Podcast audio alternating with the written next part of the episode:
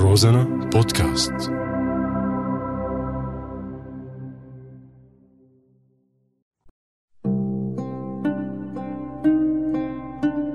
بعدك على بالي. بالمحصلة يا صاحبي واحد من الاثنين خاين والاثنين على الطريق. تعلمنا إنه الأفضلية طريق. هيك تعلمنا. بس كيف طبقنا؟ فعل التطبيق بحد ذاته فعل فاحش وما بيمرق مع الفضيلة. أغلبنا حط الفضيلة على جنب ومشي مع الفاحش لأنه cute و free وما عندها أو ما عنده مشكلة. على ذات الطريق يا صاحبي في عدالة مثل صبية. محاطة بمجموعة من المحتالين الأذكياء عم يلعبوا فيها مثل ما بدهم وعم يحطوها بجيبتهم الصغيرة للعدالة. يا أخي والله العدالة حلوة مشان هيك عم يطبقوها.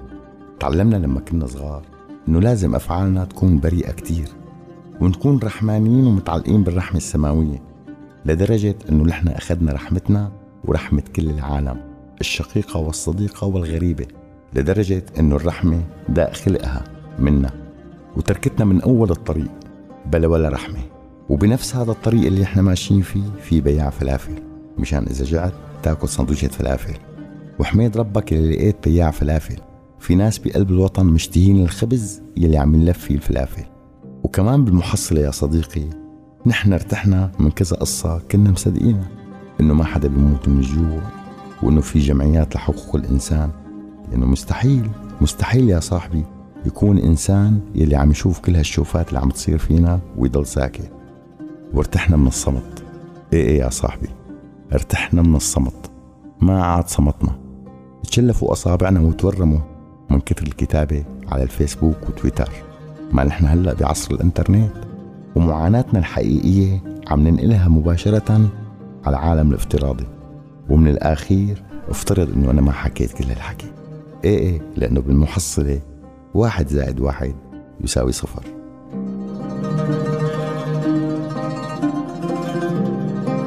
وبعدك على بالي وبعدك على بالي